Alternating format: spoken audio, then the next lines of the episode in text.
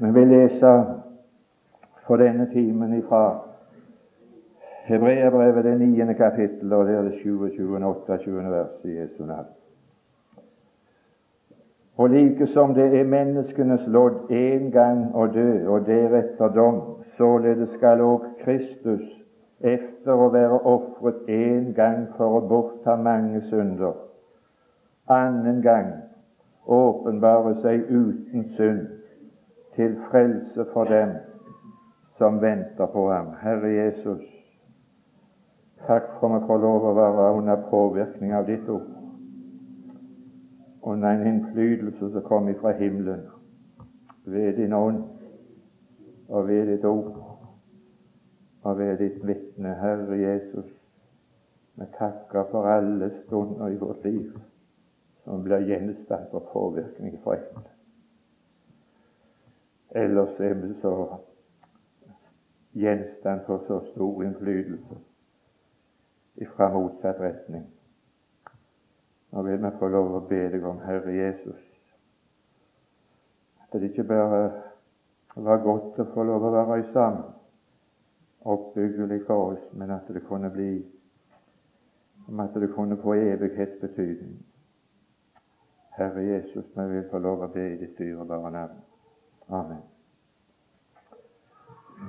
Når Jesus kom igjen, så kom han til frelse for dem som venter på ham. Det er noen som har venta på Jesus fra begynnelsen av, og de har ikke venta forgjeves, selv om de en gang ikke opplevde det i sitt liv, så venta de ikke forgjeves.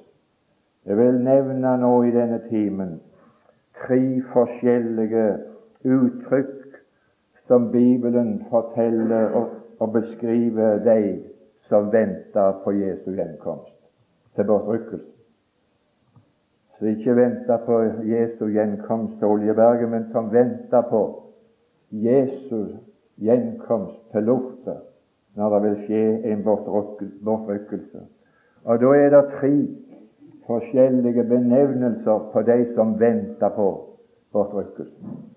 Den første benevnelse som beskriver de som venter, det står i Hebreerbrevet, det ellevte kapittel og det tiende vers. Der står om Abraham at han allerede på det tidspunkt som han levde, han venter, og han venter på et annet fedreland. Han venta ikke på å få det løftet om Kanans land, jødeland, som Gud hadde lovt han. Det venta han ikke på for sin egen del. Han bodde i telt så lenge han var i Kanans land. Og så lenge så Abraham var i jødeland, så bekjente han sjøl, når han var i det land så Gud hadde lovt hans etlinger, så bekjente han at han sjøl som et troende menneske, så var han fremmede og utlending her i denne verden.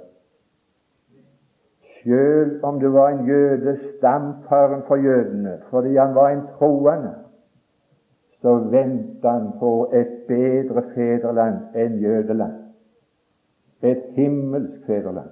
Og så bekjente han at han var fremmed og utlending og bekjente det sjøl når han oppholdt seg i løftets land.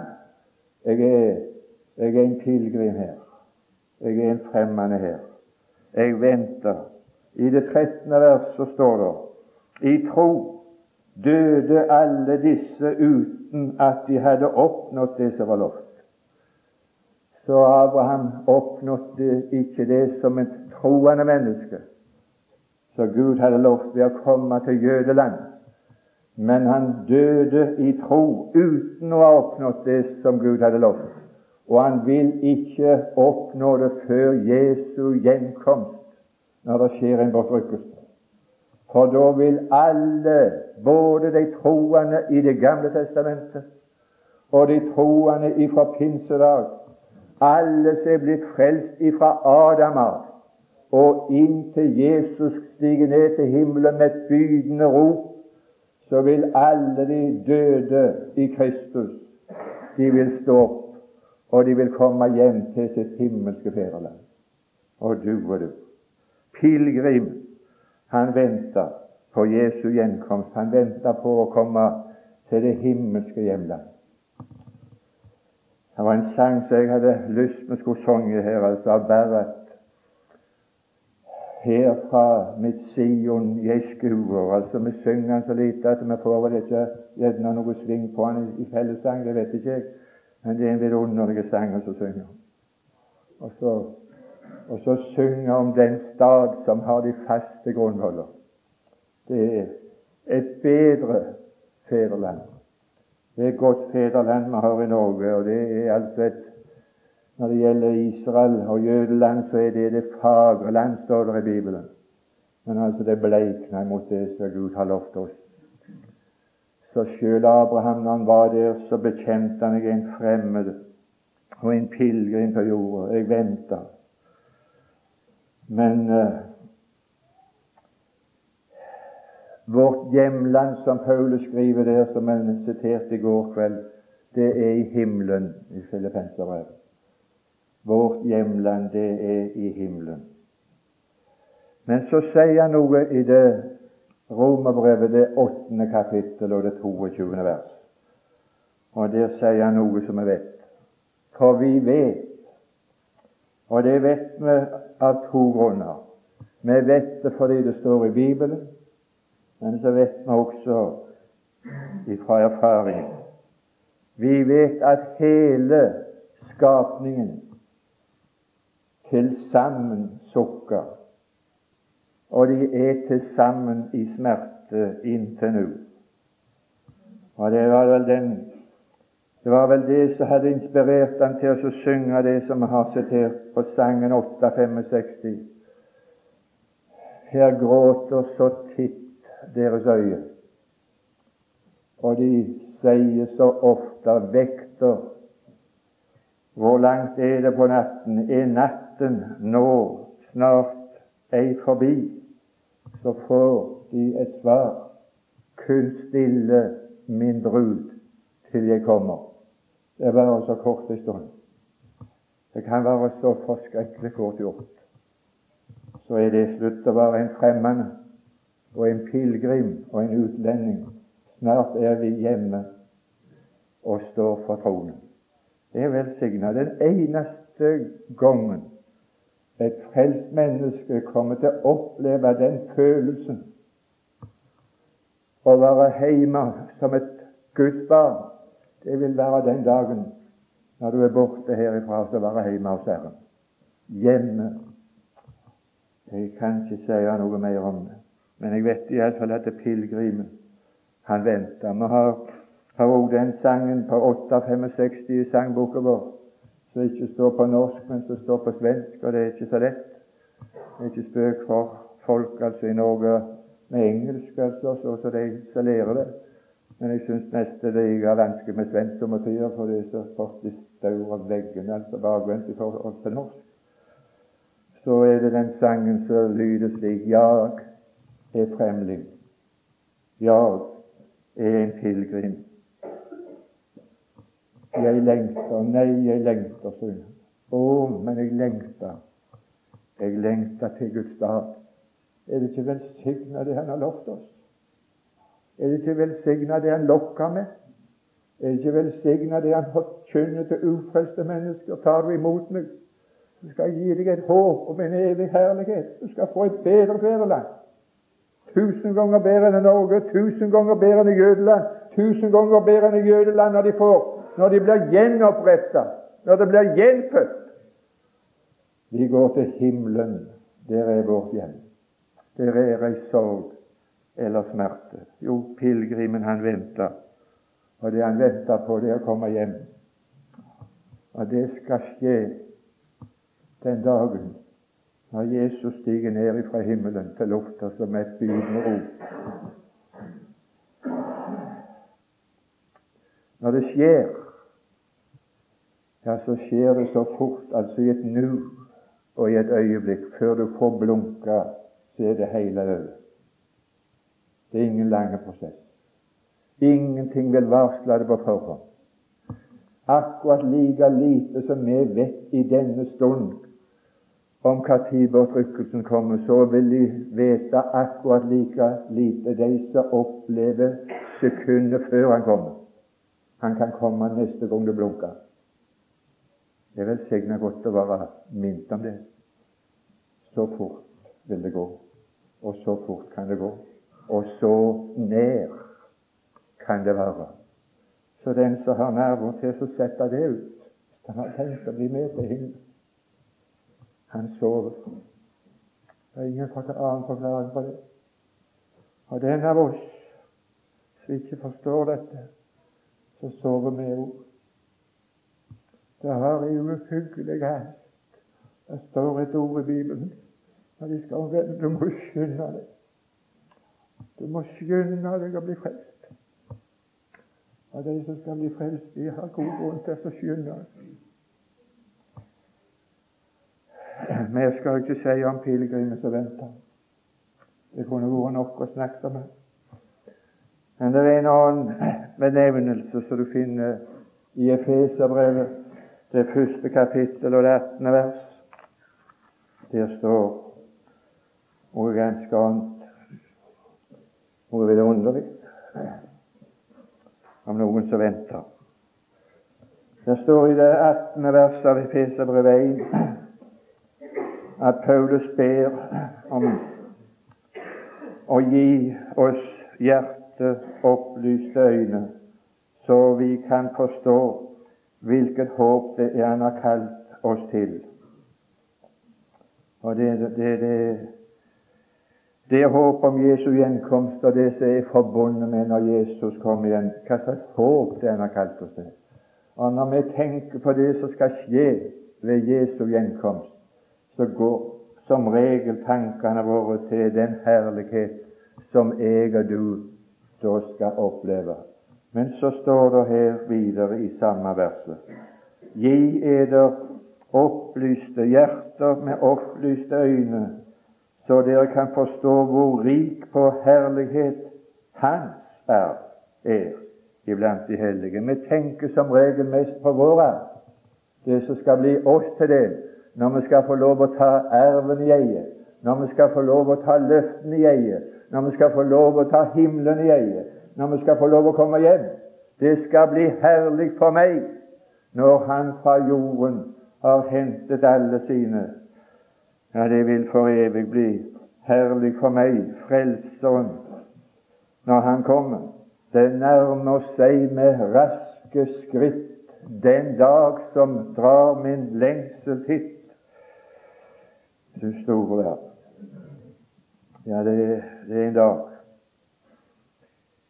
De herlige Hvis du vil, vil finne, slå opp et uttrykk i Salme 16, det er i messianske salmer, så står det i det, det tredje verset Og jeg vet ikke noen annen som har et sånt syn på de troende enn den Herre Jesus. Det han sier der de herlige, i hvem jeg har all min lyst. Bare fordi at du en dag hørte om Jesus og sa ja, så kom du i en flokk som er hans folk. Og i femte Mosebok vil du finne det uttrykt på en annen måte i det 32. kapittel og det 9. vers. Herrens del er hans folk og Jakob er hans ervelodd. Det er greit nok at det bokstavelig er mynta på jødefolk og Jakob og Israel, men du verden, altså, det er bare et bilde på det som er tilfellet bak alt det som har sagt ja til Herren. Du og jeg og alle som har sagt ja til Herren. Herrens del det som Herren har fått, for igjen for det, alt det Han har gjort. Hva får Han igjen? Hva er det Han fikk for sin smerte? Hva var det Han har fått for at Han forlot himmelen og steg ned her i denne verden? For det Han, for det han gav avkall på, for det Han gjorde når han gikk omkring her og ikke hadde det å hedle sitt hode til i 33 år. Spør om han levde i overflod. Spør om han levde i nytelse de årene han gikk på denne jord. Han levde ikke en dag til sitt eget behag. Han levde bare med tanke på hva skulle han få igjen? Og det han får igjen, det er frelste sjeler. Det er frelste mennesker som har hørt om det han gjorde på Golgata som har kommet til troen på det, og som har sagt ja til ham, det er den delen som han har fått. Og det var den delen han hadde å tenke på når han hang på Golgata i de seks forferdelige timer som det var. De tre første timene det maksimale som mennesker kunne påføre han av lidelser. Og i de tre timene når Gud blenda og ingen så, når Gud gjorde han til syndoffer, når han ble forlatt. Hva skulle han ha igjen for det? Han som for den glede som ventet ham, led tålmodig korset, uten å akte den vanæren. Han så fram til de som skulle bli hans. Når de fikk høre om det han hadde gjort for dem på Golgata. Velsignede frelser som døde for meg Forsonet sonet min synd og min brøde. Slike mennesker er det den Herre Jesus kaller. Det er mine, det er mitt folk.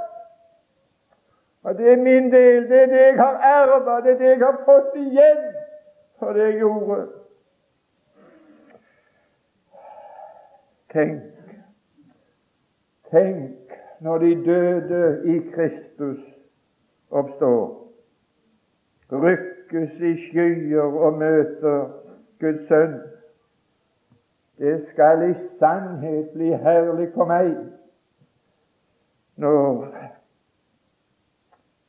Og så står det i koret på den sangen Men det vil bli herlig for ham. Det vil bli herlig for ham. Når han fra jorden har sine fått hjem. Det vil for evig bli herlig for ham. Det var derfor han kom. Det var for å få en ære som han skulle beholde i evigheters evighet. Han var i evighet Guds enbårne sønn. Og han var alene og følte ensomhet. Og så så gikk han til Golgata, så sa han Johannes 12, det sa han sjøl. I Johannes 12, 24. vers, så sa han altså uten at hvetekornet blir faller i jorden og dør, så blir det bare det ene kornet. Men hvis det faller i jorden og dør, så bærer det megen frukt. Og nå skal jeg til Golgata, så skal jeg dø for at det skal bli mange for meg å være sammen med som liker meg. Vi skal bli ham lik. Han skal forvandle oss. Jeg har spurt så mange, og det kunne du ha grunn til å spørre. Det jeg si. Hvordan har de tenkt disse folkene kunne trives sammen i himmelen, når de ikke kan gå sammen her på jord? De kan ikke gå på et møte på samme møte engang. De må ha møter for seg sjøl, snart alene og snart den andre. Hvordan har de tenkt å oppholde seg i himmelen? Jeg skal fortelle deg hvordan det skal gå for seg. Når vi kommer til himmelen, så skal vi alle være ham lik. Og like barn de leker best. Og når vi ikke kan være sammen her, så er det fordi vi er så ulike Han. Og bare mer det er Jesus lik. Den lengste hun hun ble frelst, og den har jeg beholdt. Men det lukner så lite. Og bare jeg mer deg Jesus lik, så hjertet være meg god. Men den dagen da skal vi være ham lik, både jeg og du. Det skal aldri være en som misliker meg en eneste gang. Aldri en eneste som skal ta anstøt av et eneste ord ifra min munn. Det skal i sannhet bli herlig for meg Men det vil bli herlig for ham når han får lov å få oss hjem. Tenk når jeg skal leve uten synd til himmel. Når jeg skal leve uten muligheten av en syndig lyst til himmel. Derfor så gråter så titt deres øyne. Så verven hans de venter på. Jeg skal si hva jeg venter på. Jeg venter på at han skal komme og ta erven sin i besittelse. Når det er en erv, så, så er det en utdeling av erven i dag. Når han blir tatt i besittelse av ervingen. Skøyter Testamentet, det er gyldig. Han kommer en dag til å ta sin erv i besittelse. Jeg venter på Det er det jeg venter på den dagen han kom. Jeg skal ikke si mer om det.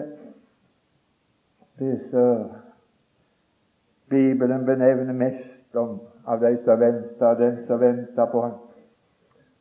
Det er bruden som venter på brudgommen. Det er det vi venter på. Vi venter på brudgom. Efeserbrev, det femte kapittel, det 31. vers.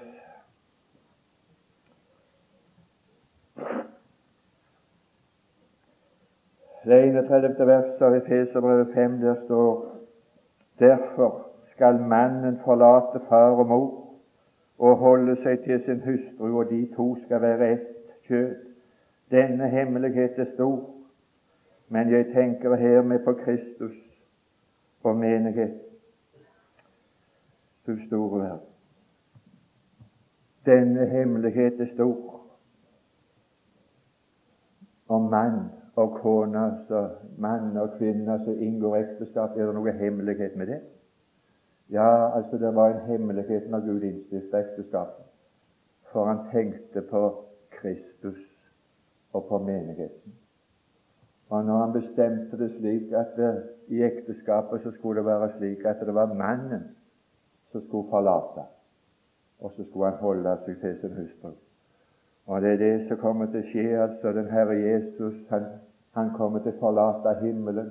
Han kommer til å forlate det som har vært hans, om det går an i overført betydning kalle for sitt barndomshjem, så kommer han til å forlate far og mor, og så skal han holde seg til sin hustru, menigheten, bruden.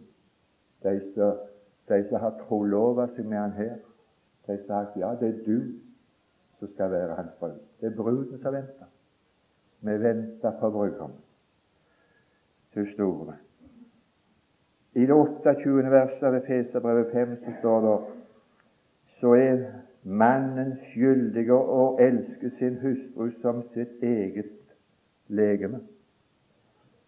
Hustruen sitt legeme, det er ikke hustruen sitt legeme. Det er mannens legeme.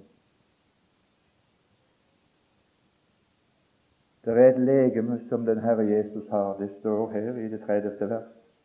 Vi er hans legeme, og vi er hans legemes lemmer. På hvilken måte blir et menneske delaktige i Kristi legeme? Det står i apostelgjerningene to, det siste vers. Før pinsedag så var det ikke noe sånt legeme. Det var det ikke. På pinsedag så skjedde det uten at det var forklart læremessig. Når de ble, når de ble døpt med Den hellige ånd på pinsedag, så står det i 1. Korinterbrev 12,13 at de ble døpt til å være ett legeme. Det kom et legeme til eksistens det aldri hadde eksistert før.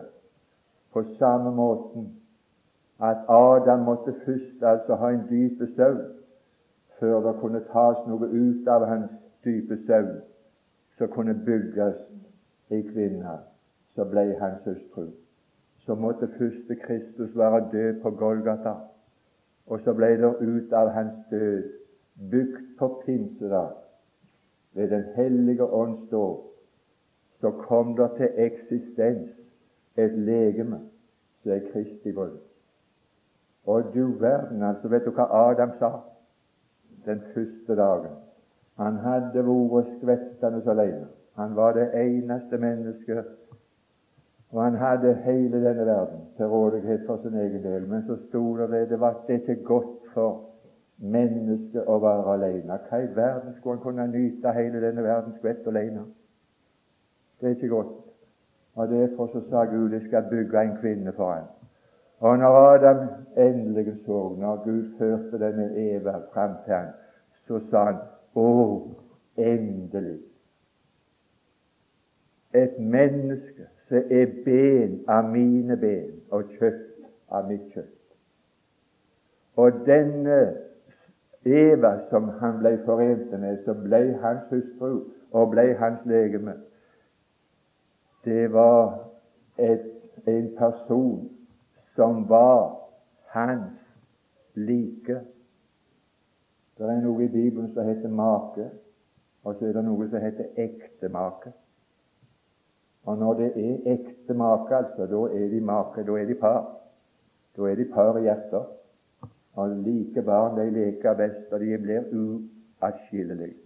Det Gud har sammenvøyet, det skal et menneske ikke atskille. Du verden, altså når Herren ved sitt blod, ifølge apostelgjerningen 20, han som vant menigheten ved sitt blod. Én ting er at han kjøpte, men han har ikke kjøpt seg noe kone. Han har ikke vært på noe slavemerke. Det kunne han. Han kunne kjøpt hvem han ville. Men han har vunnet. Det var nåde at han fant meg, men det var kjærlighet som vant meg. Å, altså Bruden som lengtet, ventet og led, skal forenes med brudgommen på denne dagen. De to. I det 23. vers av Feserbrevet 5, siste delen av verset, så står det han som er sitt legemes frelser. Og så hadde jeg lyst til å si før han forlater det, at etter første pinsedag så skjedde det ikke noen gjentagelse av første pinsedag. For på første pinsedag så står det at det var 3000 sjeler som ble frelste på første pinsedag. Og de står der, og de ble lagt til. Har du spekulert på hva de kunne legges til? For det var ingen menighet som de kunne legges til på første pinsedag. Men på første pinsedag ble de 3000 sjelene lagt til grunnvollen. Og grunnvollen med Kristus. Men annen pinsedag, da var det en menighet. Og så står det Og Gud la hver dag dem som lot seg frelse, til menigheten. Det er noe Gud gjør. Ingen kan bli frelst etter pinsedag uten at han blir et lem på Kristi legeme. Og når han kommer til luften, så kom han som sitt legemes frelser. Og jeg vil sitere en sang. Det vil jeg. Det nærmer seg med raske skritt den dag som drar min lengsel titt sitt legeme han fører hjem. Tilbake blir ei noe lem. Herlige land. Jeg sier altså det er altså, Dette her er det, det som sangeren synger, det er mer enn meget. Det syns jeg det, er mer enn meget. Tilbake blir ei noe lem. Og Hvis du da tenker på første Korintiabrev, det tolvte kapittel og det 22. vers, når der står og de lemmer på legemet som skulle synes å være de skrøpelige, ja, de altså bryr vi oss ikke om. Nei, det står ikke verken står eller det, det er ikke slik i, i erfaringen. Men de lemmer på legemet som skulle synes ikke bare å være skrøpelige, men den skrøpeligste, de er nødvendige. Kan du høre dette vidunderlige, du du som lot deg frelse en dag, så Gud gjorde til et lem på Kristi legeme for hans menighet. Det er ingen lemmer på Kristi legeme som ikke er nødvendige om de er aldri så skrøpelige. Du kan aldri komme lenger, verken i dine egne øyne og betraktninger, enn i de andre som går på bedehuset og så ser på deg, enn at du skulle synes som å være den skrøpeligste. Det er ikke lenger å komme. Men sjøl om du skulle synes å være den skrøpeligste av alle lemmer, så er du nødvendig Tilbake blir det ei noe lem. Og vet du hva det står? Om foten sier til hånda fra deg ikke fot, så hører ikke jeg med til legemet. Så hører det like fullt til legemet. Det samme som du sier. Har du latt deg frelse? Har du gitt opp din Hvorledes er det folk blir frelst? Ved å ta seg i sammen? Nei, ved å la seg frelse. Gi opp sin motstand. Det er det Gud har spetakkel med. Folk er for sterke. De står Gud imot. Og så må Gud påvirke disse menneskene, så at de som ikke vil, at de gir seg, at de lar seg frelse. Dette i sammen gir opp. Lar deg frelse. Og med en gang du lar deg frelse, så legger Gud deg som et lem på Kristi legeme. Å, herlighet. Da hører jeg like fullt med. Det er det samme hva du sier, det er det samme hva jeg sier. Om, om øya sier for deg ikke er øyra, så hører jeg med til deg. Det er noen som ikke har noe øye for annet enn syn. Og når ikke folk har syn for det, så hører de ikke med seg. Du må ha det rette synet. Ja, Men foten har ikke evne til å se i det hele tatt. De er bare opptatt med å slite av gå, stakkars de til tedene sine glemte skoene fra, fra morgen til kveld en befrielse hver gang du hiver skoene av deg.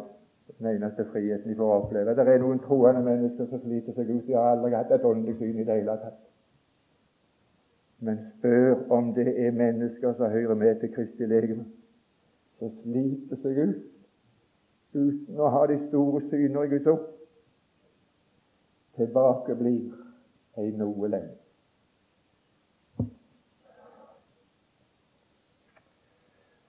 Frelseren kommer. Å, den er, den er blitt altså en kjenningsmelodi i bedehuset. Spesielt etter han Dublan kom her og så ga oss en ny melodi på han. Da ble han, da ble han sånn kjærlighetssang her i forsamlingen. Frelseren kommer, herlige sommer, venter den lengtende trette brud. Da får hun stige. Trøsterik tanke, Jesus vil sanke sjelene hjem. Det er så trøsterik tanke. Tilbake blir ei noe lem. Jeg har så lett for Å, hadde jeg bare vært sånn så han og så hun, altså, så, så sånt og så sånt. Men jeg er så skrøpelig. Jeg skal ikke drister meg til å tro at jeg er skikkelig frelst. Jeg du ikke ser klart. Har du gitt opp din motstand imot Gud? så har Gud gjort deg til et lem på Kristi legeme. Når Han kommer, så kommer Han som sitt legemes frelser. Du kan stole på det. Jeg må få lov til å si et par ting. Venter, bruden venter ikke bare på å få lov å møte brudgommen i luften, men bruden venter å få lov å møte brudgommen på den måten altså at da skal vi til bryllups. Og Da er vi ikke bitte til bryllups, men da skal vi holde bryllup. Det er du som skal være hans brud. Og Vi leser det i Johannes' åpenbaring, det 19. kapittel, og det 7. vers.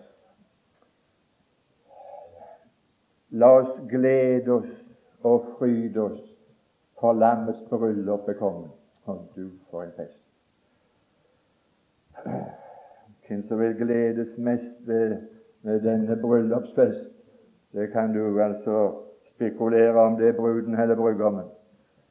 Det får nå være altså som det vil. Jeg tror de gleder seg altså voldsomt begge. Men Men sangeren synger at han vil nå gledes mest ved denne bryllupsfest. Der står i Høysangen, i det tredje kapittel av Høysangen, det ellevte vers, så står det en oppfordring til oss å se på Salomo. Og Det er på et tidspunkt når han har sendt denne denne, denne kortesjen og denne her bærevogna for å hente til tilkommende brud. Og så står det om Nei, du må, du må se på Salomon i dag, altså. Han, Jesus sa jo det, altså, at uh, Salomo altså, i all sin herlighet altså, det, det, det, det, var voldsomt så han var til å se på i sin tid. For han er den herligste og den rikeste og viseste person som har vært på denne jord. Men altså, han bleikna vekk. Men altså, ta ned det og holdt det bildet altså, så han er forbildet på. Se på Salomo på hans bryllupsdag.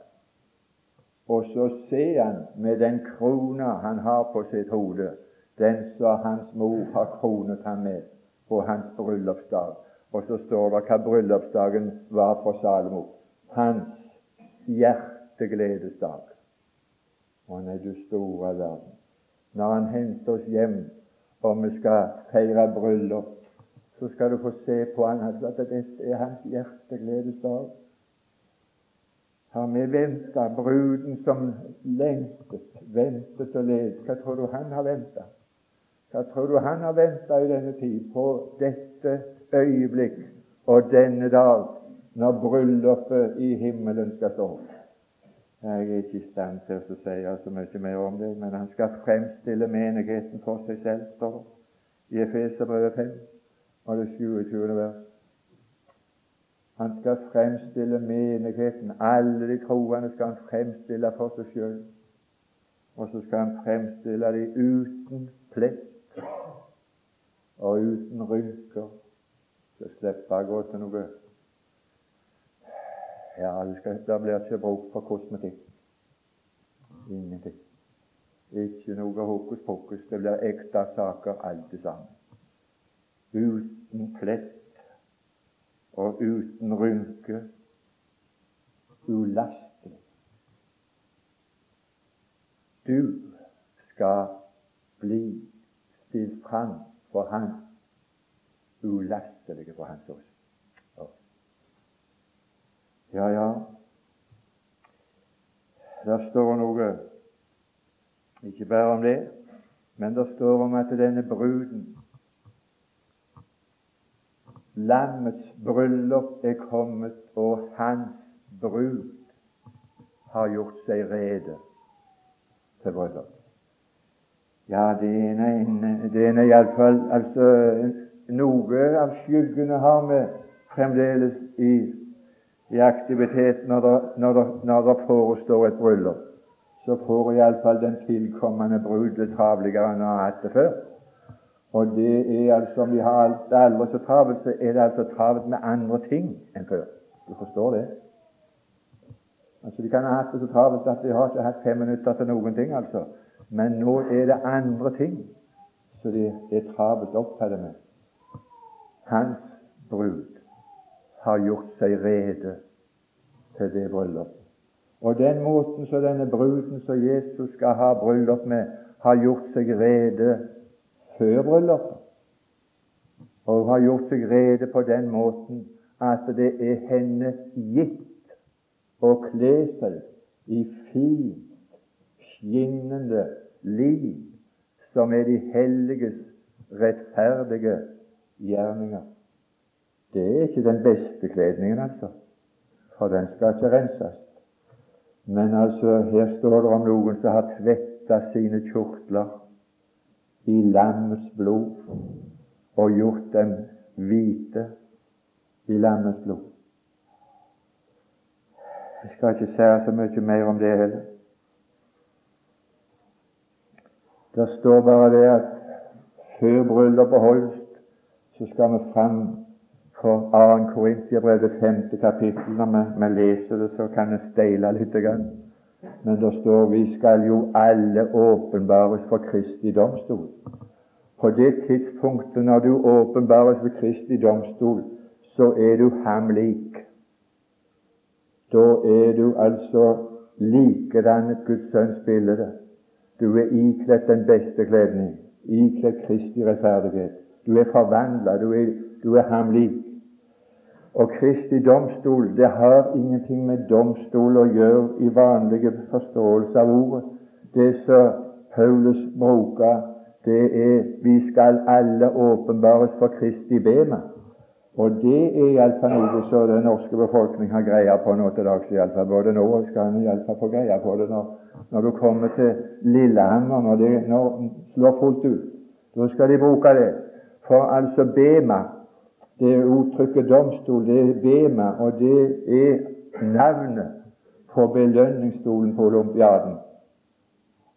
Så der skal det deles ut belønninger til bruden, så hun skal være pryda med til bryllupet. Jeg skal ikke si noe mer om det, men jeg har brukt en bitte liten illustrasjon, så er det nok. Da vil det bli forskjell på misjonæren som sleit seg ut i et fremmed land for at mange skulle bli frelst, og på den som ikke hadde det travelt med tanke på bryllupet. Du ser det. Men det er ikke de enkelte individer. Til sammenlagt så vil Kristi brud være pryda som en brud som er smykka for sin brudgom. Tenk når alle møtes der. Tenk når alle misjonærer, alle martyrer, alle som har vært med og, og, og gjort noe nå skal jeg si det siste som jeg sier nå, altså før jeg setter meg ned. Vi hadde noe nede i kjelleren på en fredagssamling her tidligere hvor det sto noe om Isakar. Og om Isakar i Det gamle testamentet så står det at hele Israel var enige i det at å gjøre David til konge for hele Israel. Men Isakar og noen andre de gjorde noe for det, mens de andre ikke gjorde noe. Vi er alle på bedehuset vårt enige i at folk våre må bli frelst. Men det er ikke alle som er opptatt med å gjøre noe for det. Skal vi altså melde oss inn på en annen måte og gjøre noe for at menneskene våre må bli frelst? Herre Jesus, du hører og du er vitne til det som jeg er opptatt med. Og det som er vårt hjertes ønske, og det som er vår bønn til Gud, det er at de må bli frelst uansett hvor de er og hvem de er. Og vi vil få lov å be deg om når vi ser det nærme seg så med raske skritt det kan være gjort på en blunk, så har det hast å få gjøre det vi vil gjøre. Tenn oss opp med kjærlighetens iver, så vi gir oss ganske til det.